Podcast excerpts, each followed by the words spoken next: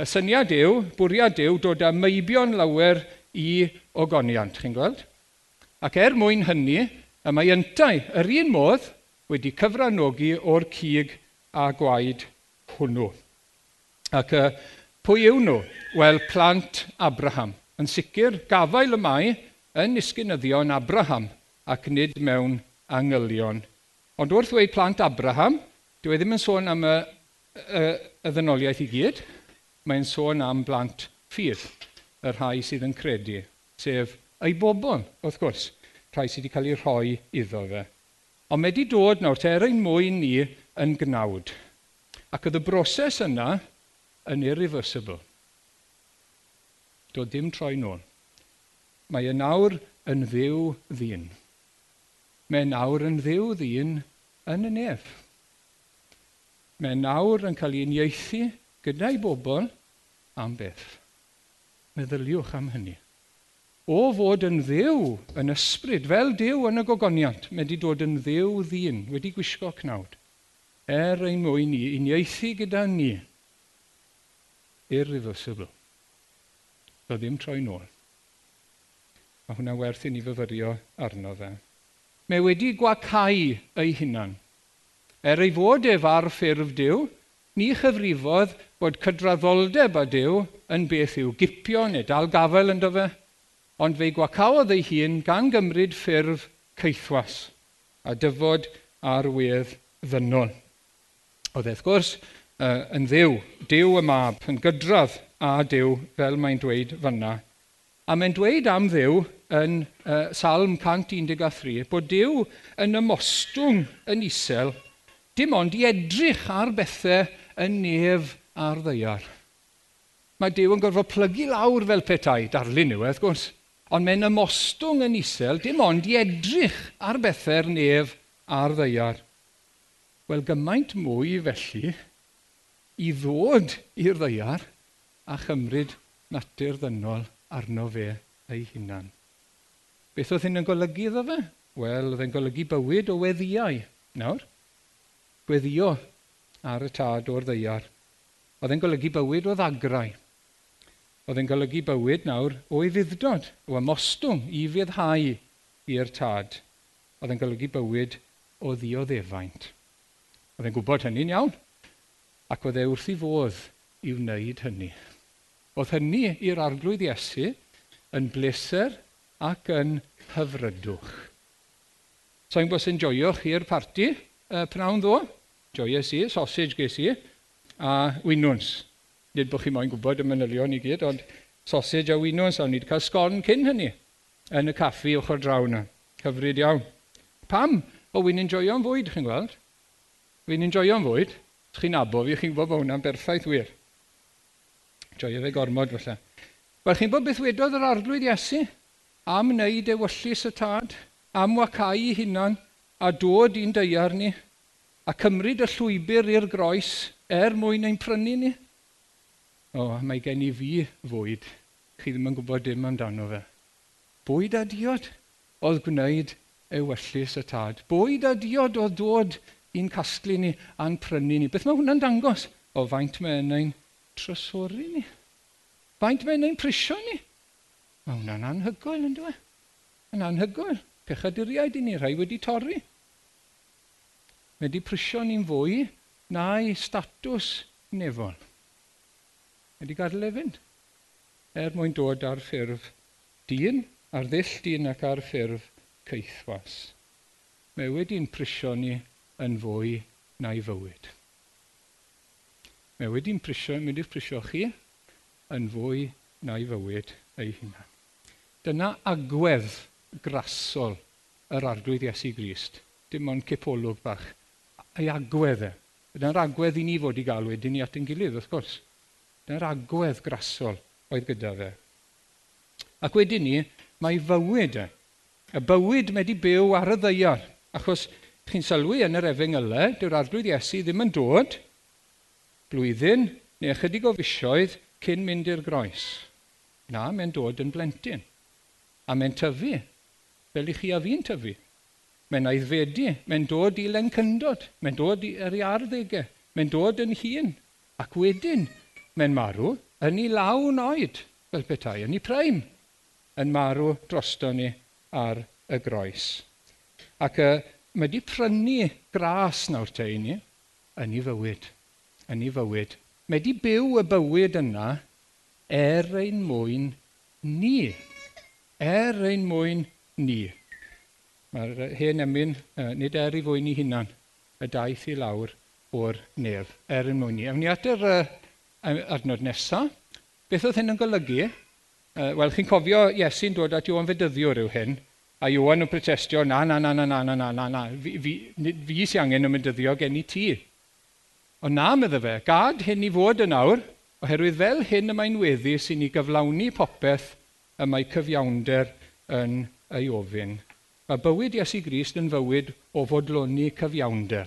Trwy i fywyd i gyd, cyflawni pob cyfiawnder. Beth mae hynny'n golygu? Mae wedi cyd ymffurfio, mae wedi dilyn. Ewyllus Dyw ym mhob peth yn ei holl fywyd, o'r dechrau i'r diwedd. Mae wedi cyflawni pob cyfraith sydd wedi cael ei roi gan ddew. Cyfraith moesol, cyfraith seremoniol, cyfraith sifil. Nath e fodloni ac i fyddhau i'r gyfraith i gyd. I gyd. Oedd e dan y gyfraith. Ac uh, oedd e wrth gwrs yn berson sanctaidd. Oherwydd bod e wedi uno yn ddew a dyn ac wedi ei yneinio tu hwnt i fesur ar ysbryd glân, oedd e'n sanctaidd. Ac uh, dyna i ni'n gweld nawr te, uh, yn y dechreuad, pan mae'n dod, yr angel yn siarad am air, Daw'r ysbryd glân arnat a bydd nerth y goruchaf yn dy gysgodi. Am hynny gelwyr y plentyn a genhedlir yn sanctau, mab Dyw. A dyma'r math o archoffeiriad sy'n addas i ni, un sanctaidd di-fai, di-halog yn diffeild, wedi ei ddidoli hollol ar wahân o ddiwrth bechaduriaid, ac wedi ei ddyrchafu yn uwch na'r nefoedd. Mae fywyd yn fywyd sanctaidd, glân a ffyr er ein mwyn ni. Dyma sydd yn addas ar ein cyfer, iddo fod yn archoffeiriad i ni, iddo fe fod yn brynwr i ni, iddo fe fod yn gyfiawnder i ni, iddo fe fod yn sancteiddrwydd i ni. A'r cwbl er mwyn ei bobl, nid er ei fwyn ei hunan. A'r adnod nesaf yn dangos uh, bod yna i fuddod arall hefyd. Oedd e'n ifydd fel dyn. Ond oedd e hefyd yn ifydd, wrth gwrs, fel cyfryngwr. Oedd gyda fe waith penodol i wneud yn marw drosto ni ar y groes.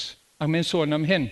Uh, uh, penod y, y bugail da, nid yw neb yn ei dwy'n oddi arnaf, y defaid, ond mae fi, ma fi ohono fy hun, ei fywyd, sori, ond mae fi ohono fy hun sy'n ei rhoi.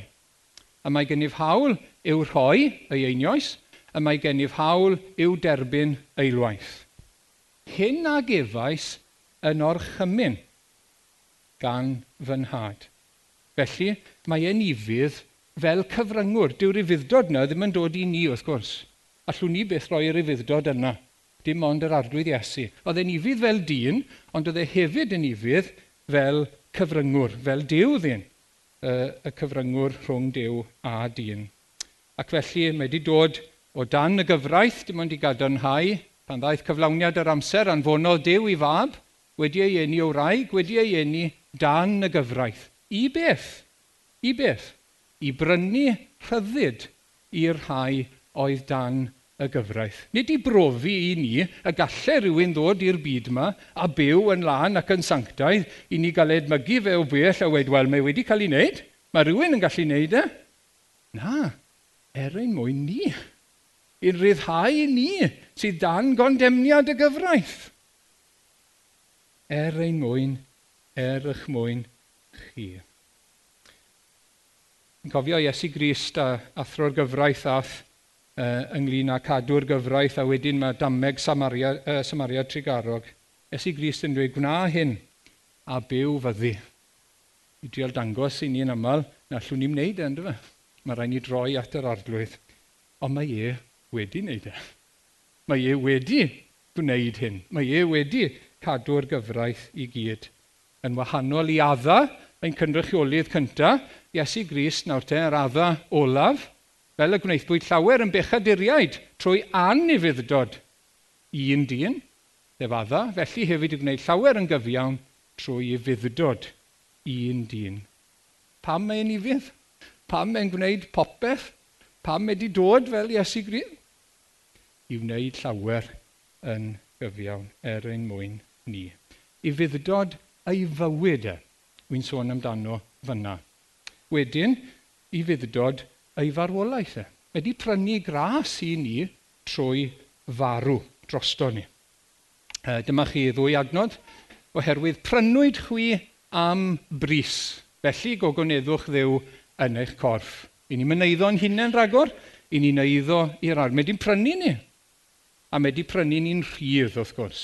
Y darlun mwyaf cyfarwydd yn y testament newydd yw prynu ceithwas yn rhydd.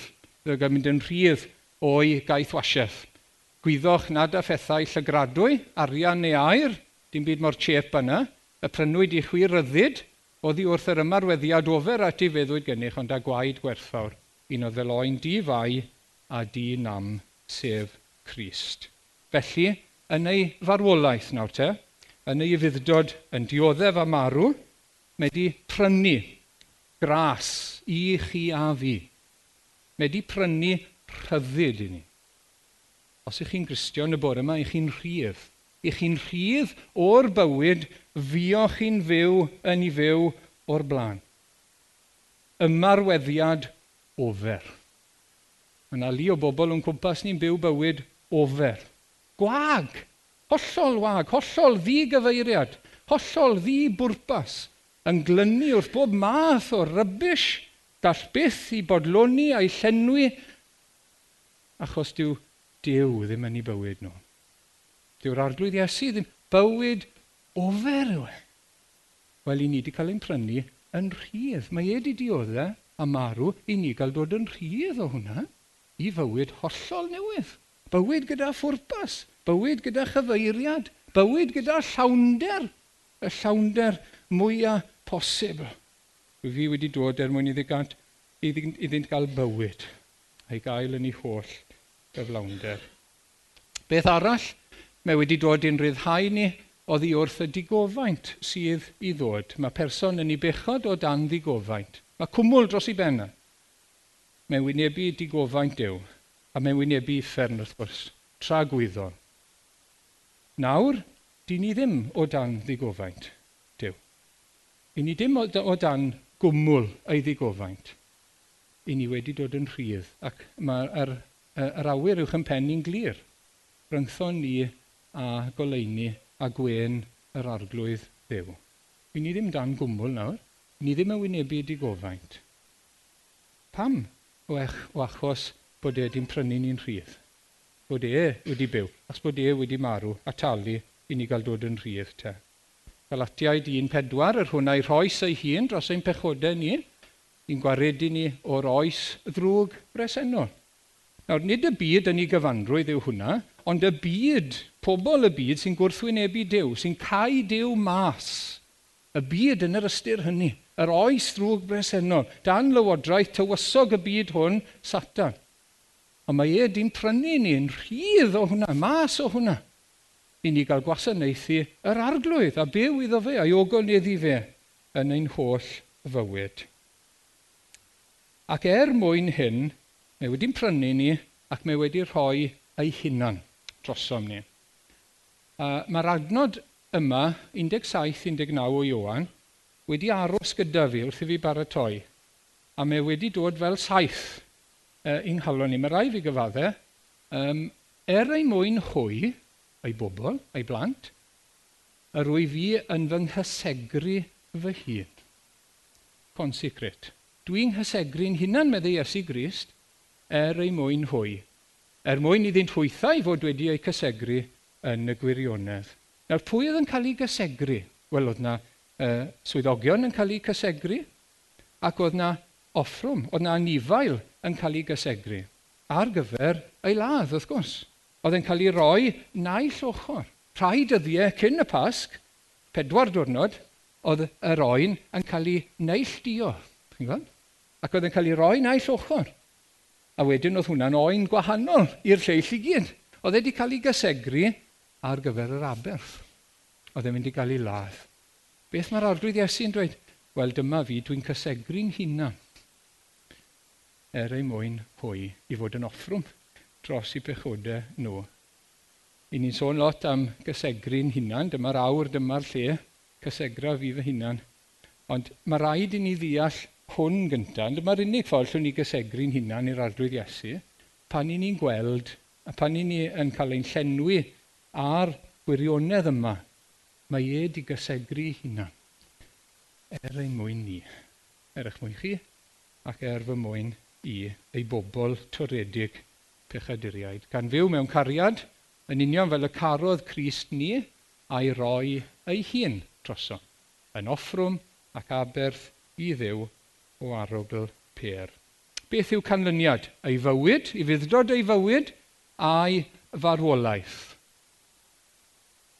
Uh, yn dy gyntaf, cymodi, hynny yw, yr oedd Dyw yng Nghyst yn cymodi'r byd ag ef ei hun, heb ddal neb yn gyfrifol am ei droseddau. Felly cymod.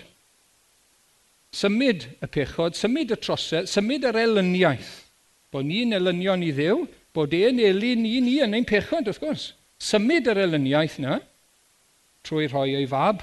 A'i fab yn dod i fynd ar y groes drosto ni. Ni wybu Cris beth oedd pechu, gwnaeth Dyw efo ni na a phechod drosom ni, er mwyn i ni ddod yn gyfiawnder Dyw ynddo fe i ni gael ein cymodi uh, bod dim byd rhyngtho ni. Dim byd rhyngtho i a Dew. Dim byd. Oherwydd mae Iesu Gris di symud y cwbl. Mae wedi talu am y cwbl. Dim byd rhyngtho ni yng Nghyst. Dim byd o gwbl. Mae chi ddarlun arall o'r gwirionedd yma nawr te. I fuddod bywyd Iesu Grist, i fuddod ei farwolaeth. Beth yw'r canlyniad? Secharia 3-4, a dywedodd yr angel wrth ei osgwrdd, tynnwch y dillad budron oddi amdano. Joshua yw hwn nawr, achos mae Satan yn gweud yw hwn ddim yn ffit i wasanaethu, chwan? Tynnwch y dillad budron oddi amdano, dywedodd wrth Joshua, edrych fel y symudais da i ogrwydd oddi wrthyt, ac feth wisgaf a gwisgoedd gwynion. Mae dau beth yn digwydd i Joshua fan hyn. Tynnu dillad budur, neu os chi'n byw yn y de, dillad brwnt, tynnu dillad brwnt bant, gwisgo a dillad gwyn glân. Beth nath Iesu Grist wrth arw drosto ni ar y groes? Mae wedi cymryd y dillad brwnt i gyd bant. Y budreddu a'r gosb oedd yn dilyn hynny, mae wedi cymryd ei gyd bant o ddiwrtho ni. Slawer dydd yn, uh, pan ni'n gwachod y rygbi yn Llanelli, uh, back in the day, ynddo fe, oedd uh, y tîm, tîmoedd hanner amser, rhain nhw chi'n ddigon hen i gofio, o'n nhw'n aros ar y ca. Oedd ddim byd posh fel maen nhw nawr, mewn mewn i'r stafell newid a cwarter awr. O'n nhw'n aros ar y ca, rhywun yn dod ar oranges iddyn nhw. O'n nhw'n cael ei orange fyna, ac o'n i'n mynd ymlaen. Os oedd ddim yn gêm bwysig, o'n i'n cael llofnod hyd yn oed, hanner amser. A clywed nhw'n siarad a'i gilydd am beth o'n nhw'n mynd i wneud yn yr ail hanner. Wedyn, os oedd hi'n ddwrnod gwael, oedd hi'n arllws y glaw, mwd yn bobman, tybod, ac oedd y, y crisau nawr mor frwnt, o'ch chi ffili gweud un tîm oedd i wrth y llall. Chi ffili gweld rhifau nhw, neu llew nhw, weithiau, mor frwnt. Byddai rhywun yn dod mlaen hanner amser a set newydd o ddillad, chi'n gweld? Set newydd o grisau. A beth oedd e'n neud, oedd e'n mynd ar hen set bant a dod â set newydd i'r chwaraewyr. A dyna beth mae'r arglwydd Iesu wedi wneud. Yn ei farwolaeth, mae wedi mynd ar bydreddu bant o ddiwrtho ni. Ond oherwydd i fuddod ei fywyd e, i ni'n cael ein gwisgo a gyfiawnder ei fywyd e. Ydy hwnna'n hyfryd? Ydy hwnna'n fendigedig? Ac i ni felly'n cael ein cyfiawnhau trwy gyfiawnder Iesu Grist. Ac wedyn ni, uh, i ni ddod at y pwynt ola nawr te, gras uh, ei agweddau, gras ei fuddod yn ei fywyd, gras ei farwolaeth wrth gwrs, ei bryniant drosto ni, a gras ei, ei reolaeth. Be sydd wedi digwydd wedyn ni? Wel, cafodd ei draddodi farwolaeth am ein camweddau, a'i gyfodi i'n cyfiawnhau ni. I ni'n gwybod nawr bod y pris wedi ei dalu. Yn llawn, paid in full, pan wedodd Iesu Grist, gorffennwyd, mi dalwyd y pris. Ein pechodau ni gyd, ei bobl, pob un wedi cael ei gymryd arno fe, a'i cymryd bant yr hwn a'i, ei hun a ddig ein pechodau yn ei gorff ei hun ar y pren. Wedi cymryd nhw'n bant o ddiwrtho ni. Ond mae wedi atgyfodi. Felly, dwi e ddim yn dioddau nawr. Dwi e ddim yn y beth. Sdim ragor i dalu. Mae wedi gorffen talu. Mae wedi talu'n llawn. Paid in full. A'r atgyfodiad wrth gwrs yw'r receipt. Ni'n gwybod bod e wedi talu yn llawn.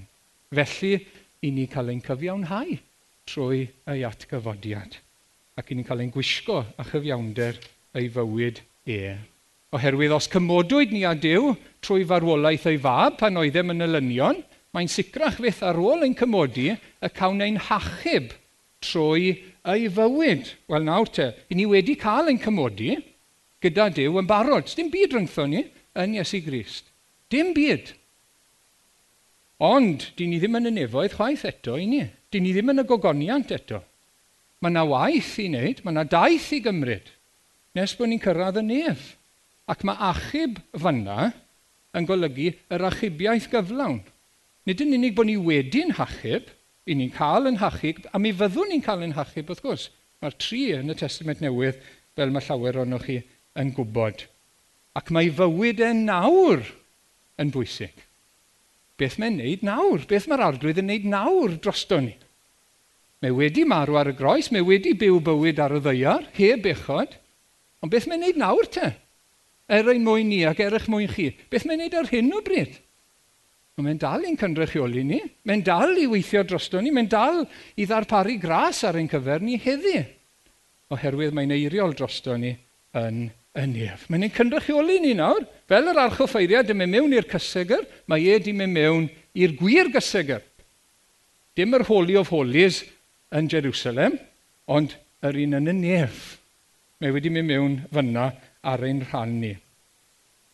Ac oherwydd hynny, uh, i ni cael dod ato fe i gael gras bob amser, unrhyw bryd, unrhyw sefyllfa, unrhyw anhawster, unrhyw amgylchiad, unrhyw wendid, pan i ni'n cwmpo ac yn pechu, i ni dod ato fe i gael gras. Mae e'n byw i eiriol trosol ni. Ac uh, i ni'n cael dod nawr te at waed y tainelli. Gwaed y tainelli. Oherwydd ar ôl i'r aberth i gael ei ladd, oedd y gwaed yn cael ei ollwng wrth gwrs. Ond hefyd, chi'n cofio tyn bach o chi'n testament falle, byddai'r gwaed yn cael ei dainellu ar adegau gwahanol. O'ch chi'n ni uh, ddarllen o blegyd os yw gwaed geifr a theirw a lludwaner yr anifeiliad yma yn sancteiddio hyd at buredigaeth allanol, seremoniol, pa faint mwy y bydd gwaed Crist, yr hwnna i offrymodd ei hun trwy'r ysbryd tragweddol yn ddyn am i ddew yn puro ein cydwybod. Oddi wrth weithredoedd Meirwan i wasanaethu y Dyw byw. Nawr te, beth mae hwnna'n sôn amdano fe? Wel, mae'n sôn am gael ein tanellu. Ac oedd hyn yn digwydd yn yr Hen Testament, lle bod chi'n cofio Moses yn cael y gyfraith ac yn dod nôl lawr, mae'n tanellu gwaed, sbrinclo gwaed ar llyfr y gyfraith. Ac oedd gwaed yn cael ei deinellu ar y bobl oedd gwaed yn cael ei deinellu ar yr offer yn y tabernacl. Pethau oedd yn cael ei ddefnyddio yng ngwasanaeth Dyw yn y tabernacl, yn y babell neu yn y deml, ond nhw'n cael ei teinellu, nhw'n cael ei sbrinclo gyda gwaed. Pam? Er mwyn i puro nhw. Er mwyn i puro nhw. Er mwyn iddyn nhw gael ei defnyddio yng ngwasanaeth Dyw. Ac wrth gwrs, mae'n sôn fan hyn gyntaf am buro ein cydwybod ni. Oherwydd beth sy'n digwydd pan ni'n cwmpo ac yn baglu uh, mewn pechod, oherwydd yr hen natur sydd yno ni. O, i ni gwybod, diw'n perthynas ni ar arglwydd nawr ddim yn iawn. I ni wedi pechu.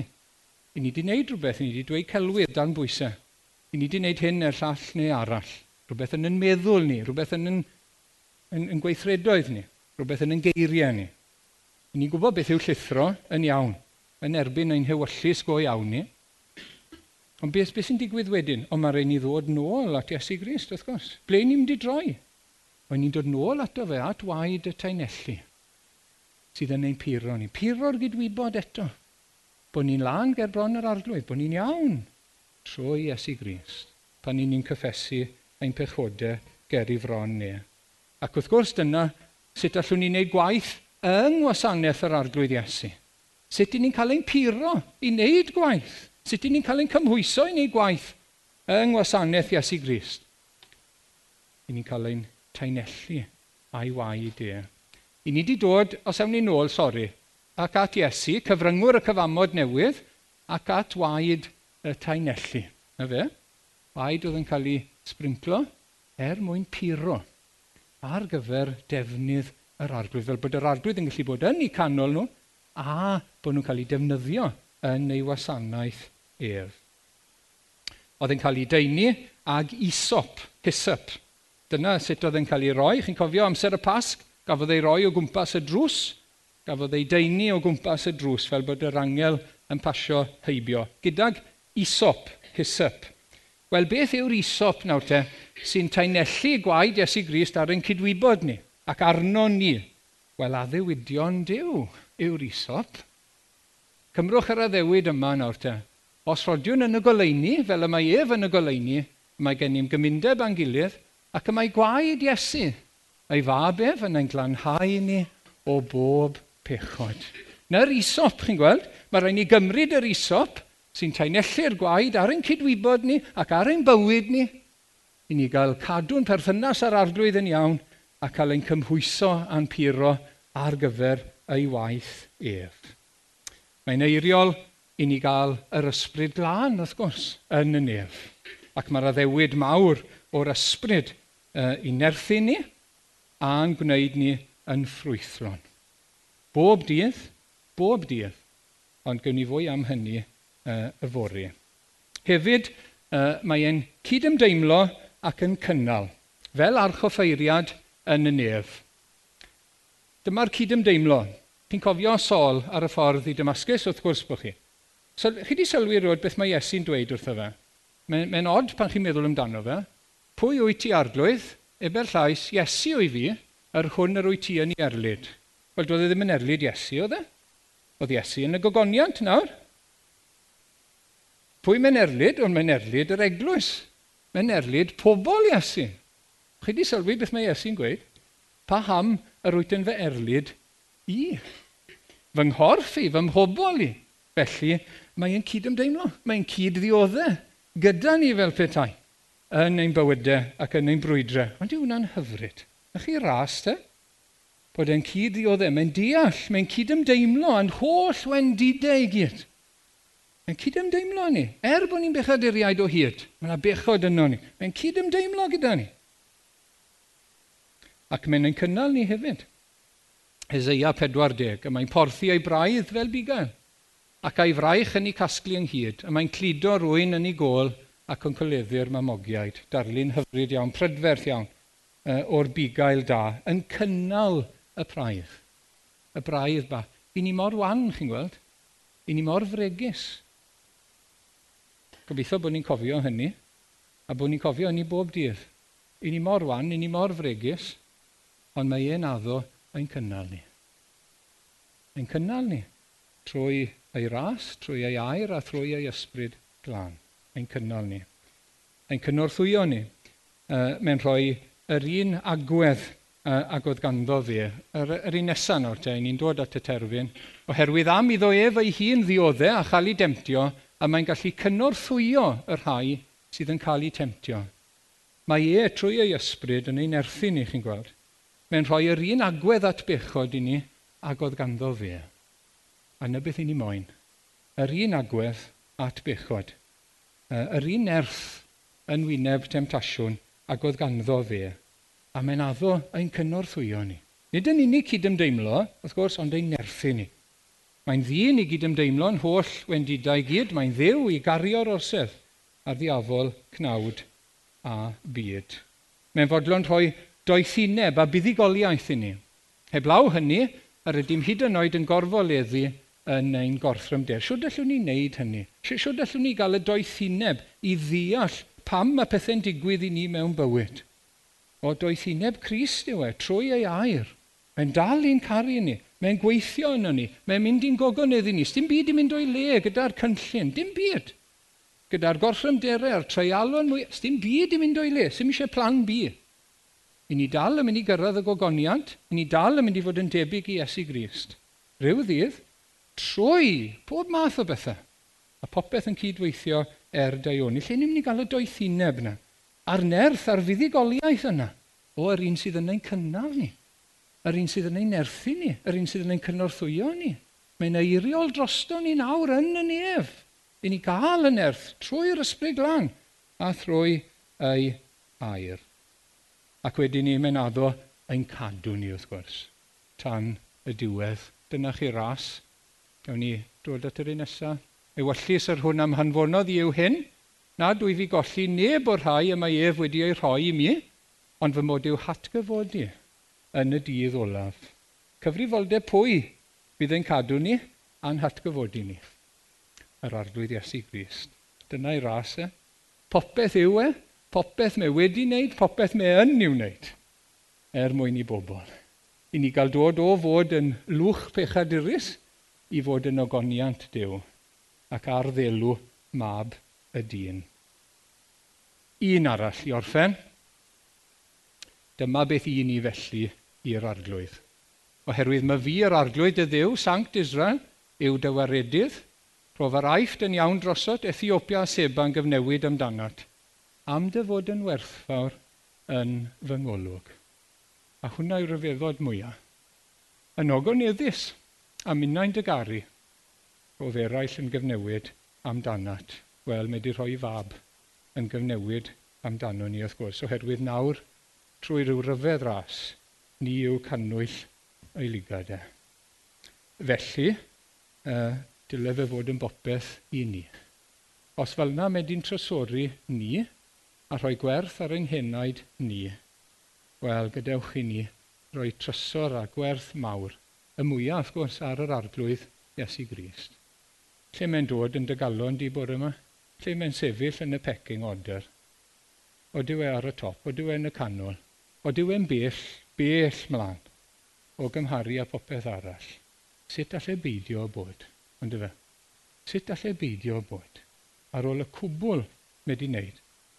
Mae wedi cymryd uh, uh, uh, chyfo, mae wedi cymryd enw arno fe ei hunan i uniaethu gyda ni'n llwyr fel arfer mewn priodas uh, traddodiadol nawr, mae'r rhaeg yn cymryd enw'r gŵr. Wel, gyda ni, mae'r gŵr wedi cymryd enw'r rhaeg fel petai. Mae wedi dod yn frawd i ni. Mae wedi rhoi hunaniaeth i hunan heibio, uniaethu hunan a ni, a chi a fi fel i blant. Wel, gadewch i ni edrych arno fe. Yna'r anogaeth i ni'n cael, gadewch i ni syllu arno fe. Gadewch i ni aros ynddo fe. Gadewch i ni gysegru'n hunan. i dove. Amen.